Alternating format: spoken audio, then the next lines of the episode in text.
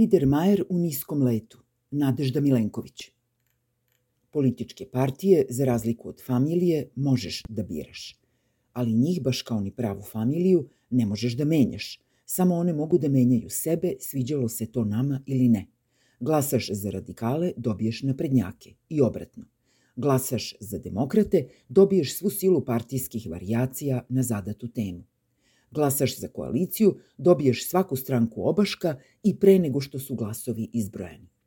Jedino je glasanje na predsjedničkim izborima izvesno. Kako god da glasaš, dobiješ istog čoveka.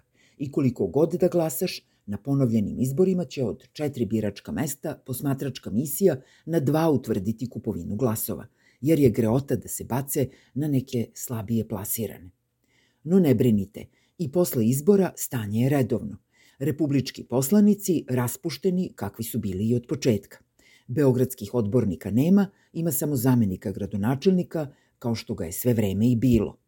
Vlada je u tehničkom mandatu, kao što je od početka i bila, dok tehnički, kao što je uvek i činio, zemljom vlada predsednik Srbije. I šta radi taj tehnički sve i svija u Srbiji? Pa isto što i pre izbora, samo priča.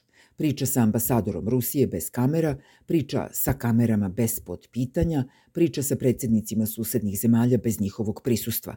Priča bajke, priča basne, priča bez pokrića. Priča pre izbora jedno, puna skladišta, prepuni ambari, a onda priča nešto sasvim drugo. U pomoć opljačkani smo. Priča o sebi neumesno, priča o Rusiji neutešno, o Evropskoj uniji neizvesno.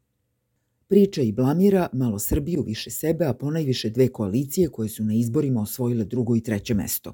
Vođu jedne koalicije, svog dugogodišnjeg partnera, do sada nepotrebnog za parlamentarnu većinu, a sada potrebnog, ali nepodobnog, blamira tako što sa njim neće da razgovara, odbijao mu je telefonske pozive.